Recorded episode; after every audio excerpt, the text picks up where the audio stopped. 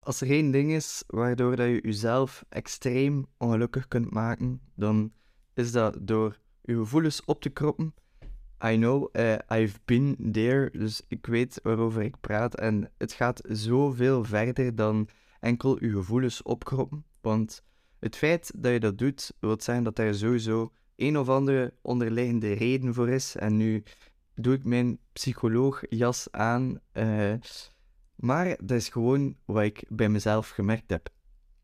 En om even te verduidelijken met het openen van uw hart tegenover uzelf en uh, anderen, dat is heel filosofisch, heel mooi gevonden en zo.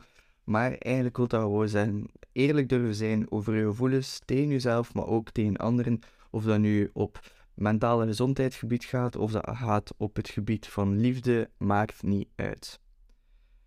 Dus ik heb hier heel grote struggles mee gehad met het openen van mijn hart en voor mezelf en voor anderen. En bij mij uitte dat zich in het feit dat ik niet kon toegeven aan mezelf dat ik verliefd was op mijn vriendin. Dat klinkt heel raar, ik weet het, maar ik denk dat ik dat deed uit een soort van beschermingsmechanisme of zo. I don't know, ik heb er zelf ook maar een of andere psychologische verklaring aangegeven. En dat is dat ik schrik heb om gekwetst te worden. Dus toen ik aan het daten was met mijn vriendin, zei mijn hoofd een paar keer, toen dat we zo, ja, closer en closer aan het worden waren, van wow, uh, dan ga je te snel, subiet worden we nog een koppeltje. Uh, en telkens dat dat dichterbij kwam, sloeg ik eigenlijk tilt. Nu, gelukkig is het allemaal goed gekomen uh, en heb ik over mijn gevoelens kunnen babbelen met mijn vriendin. Met weliswaar een paar drankjes op na een ongeveer een jaar van op en af daten. Um, en ik kan u verzekeren dat ik na die twee jaar, meer dan twee jaar, nog geen enkel moment spijt heb gehad. Niets. Het enige waar ik spijt van heb gehad, of waar ik spijt van heb, liever, is het feit dat ik dat niet eerder heb gedaan. Dus als je in dezelfde situatie zit als mij toen, is er eigenlijk maar één raad die ik u kan geven, en dat is dat je gewoon de sprong moet geven. Het spijt mij, dus de meest slechte raad ooit. Dus niet zo, ik wou dat ik kon zeggen van, neem voor 30 dagen een koude douche en dan ga je het kunnen. Nee, dat is er jammer genoeg niet. Dus als ik u één raad kan geven, neem gewoon de sprong en vertel het. Vertel het eerst tegen jezelf, durf het eerst aan jezelf toegeven. En probeer het dan aan de andere persoon toe te geven. Anyway, het is allemaal goed gekomen met mij en mijn vriendin, maar niet durven vertellen hoe ik mij voel op eender welk gebied in het leven, dat is iets waar ik al jarenlang mee struggle. Niet alleen op het gebied van liefde, maar op ieder gebied, waarbij dat je moet vertellen hoe dat je echt voelt. En niet hoe dat je je voelt als je iemand tegenkomt in de supermarkt en die vraagt, ah, hoe is het mee? Dat je zegt van, oh, ça va. Niet op die manier, maar gewoon durven vertellen wat er goed gaat, wat er fout gaat. En eerlijk zijn met jezelf. Dat is iets waar ik heel hard mee heb gestruggeld. En ik ben daarvoor jarenlang bij een psycholoog gegaan. Super warm persoon, die haar job echt goed deed. Maar ik ben daar wel mee gestopt. Omdat ik merkte dat dat voor mij niet effectief was. Ik merkte daar geen effect van. En dat kwam niet door de psycholoog, alles behalve nogmaals, die job gewoon keigoed, maar dat kwam door mezelf. Want ik wist heel goed hoe ik het gespreksonderwerp kon vermijden waarin dat echt over mijn gevoelens ging gaan, door gewoon over iets banaal te beginnen dat dagelijks in mijn leven gebeurde toen. Um, bijvoorbeeld iets in het ondernemen wat er gebeurd was, of zaken waarbij dat ik mij eigenlijk niet zo heel kwetsbaar opstelde, daar begon ik dan over. En dat is heel stom, want ik ging wel altijd met de gedachte naar de psycholoog van oké, nu ga ik echt vertellen hoe dat ik me voel. Ik voel me mentaal wat minder. Nu ga ik dat, ik ga het nu een keer echt vertellen. En dan zet ik me op die stoel en dan vraagt ze, en?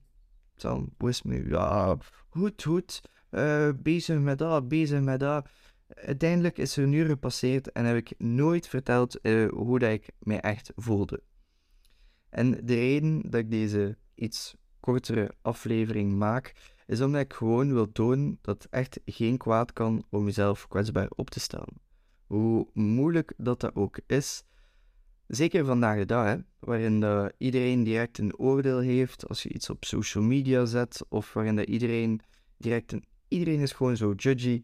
Ehm, dus dat maakt het niet makkelijk om jezelf kwetsbaar op te stellen. Zeker niet als je schrik hebt om gekwetst te worden, of als je schrik hebt over wat de andere mensen over je denken. En jezelf kwetsbaar opstellen, dat is meer dan oké. Echt waar. En dat is bij iedereen een groeiproces als je dat niet goed kunt. Ik zit ook nog in een groeiproces, waarin ik iedere dag een stapje neem als ik tegen mijn vrienden zeg van, ja, vandaag, ik weet niet, ik voel me eigenlijk niet zo goed. En als ik iedere dag kan schrijven in mijn boekje van wat er echt in mijn hoofd omgaat, dat is deel van het groeiproces. Meer nog, deze aflevering die ik nu maak, waarover dat ik praat over hoe dat je je kwetsbaar moet opstellen en dat dat oké is, is ook deel van mijn groeiproces. En als je echt schrik hebt om gekwetst te worden, zoals ik had, is er maar één goede raad die ik u kan geven. En dat is om gewoon eerlijk te zijn met jezelf en eerlijk te zijn met je gevoelens. Want weet je, het ergste wat dat kan gebeuren is dat je een nee krijgt. Een nee krijgt van de persoon waar dat jij tegen vertelt, als nu in het geval van liefde is, waar dat jij tegen vertelt van kijk, ik ben verliefd op u, um, ik heb gevoelens voor u, we zijn al even aan het daten, zo, die ding, weet wel. En als je dan een nee krijgt, dat is gewoon heel hard, dat is heel confronterend, je gaat je sowieso niet goed voelen, maar ook hier, zoals in alles, is er iets positiefs. En als je een nee krijgt, dan weet je tenminste waar je aan toe bent. Je hebt uitsluitsel. En zo kunt je doorgaan met je leven. Maar als je je gevoelens opkropt, je vertelt ze niet, je houdt ze gewoon voor jezelf en je gaat gewoon mee met, met, de, met de stroom en je ziet waar je komt. En uiteindelijk, en dat weet ik, want ik zat zo in het leven, of ik ging zo door het leven, is er nooit een punt gekomen waarop dat de, de golf mijzelf mijn gevoelens heeft durven vertellen. Nee, je vindt altijd wel iets om het nog uit te stellen, of je vindt altijd wel iets waardoor je het kunt vermijden. Dus wees gewoon eerlijk met jezelf, wees eerlijk met de andere persoon en vertel het gewoon. Neem de sprong. Want dan kun je tenminste doorgaan met je leven. En als je het niet vertelt, ja, dan ga je het ook nooit niet weten, wat heel kut is en ga daar heel ongelukkig door worden, want dan ga je alleen maar denken van, wat als ik het had gezegd? Hoe kon mijn leven er dan nu uitzien? En dat wilt je niet. Maar ook als je geen schrik hebt om gekwetst te worden en toch praat je niet over je gevoelens of waar je niet mee wil zijn dat je altijd over je gevoelens moet, moet praten of zo. Nee, alles behalve hoeft zeker niet. Maar wel op het moment dat je merkt van oké, nu moet er iets van mijn hart. En als je dat op die moment niet kunt, ook al heb je geen schrik om gekwetst te worden, dan is er sowieso een andere reden voor. En ga op zoek naar die reden. Want dan, als je die reden vindt, ga je al een eerste bevrijdend gevoel vinden waarin dat je beseft van, ah, ik durf eigenlijk niet te praten over mijn gevoelens, of ik durf mezelf niet kwetsbaar op te stellen, omdat ik schrik heb van wat andere mensen van mij gaan denken. En als je dat weet, dan heb je meer duiding waarom dat je dat niet kunt. Waarom dat je altijd het uitstelt, waarom dat je het altijd vermijdt. En het geeft je niet alleen duiding, maar het geeft je ook een richting. Een richting waardoor dat je beseft waarom dat je niet eerlijk durft zijn over je gevoelens, maar dan weet je ook waaraan dat je kunt werken, waardoor dat je wel eerlijker kunt zijn over je gevoelens. En in het geval van schrik hebben wat andere mensen om je geven, is dat simpelweg gewoon geen fuck geven. Dat is het ding dat je moet leren. En I know, dat is heel veel makkelijker gezegd dan gedaan. Maar uiteindelijk ga je toch wel op dat punt moeten komen, want je kunt niet voor de rest van je leven schrik hebben van andermans mening. Dan kun je ten eerste nooit jezelf zijn en ten tweede dan ga je ook nooit oprecht gelukkig zijn. En de als, als, als gedachten die dat je hebt als je je gevoelens opkropt, die heb je ook, maar in de negatieve zin. En 99% van die gedachten, dat je denkt van, ja, als ik nee zeg en allee, als ik mijn gevoelens zeg en zij zegt nee, ja, dat een heel negatief scenario, 99% daarvan is, is fictie. Is niet waar, gaat ook nooit gebeuren, dus laat u daar niet door leiden. Laat u daar ook niet door tegenhouden, door die eventuele angsten en neem gewoon de sprong. Want geloof mij, het gevoel dat je krijgt als je je hart durft te openen tegenover jezelf, maar ook tegenover anderen.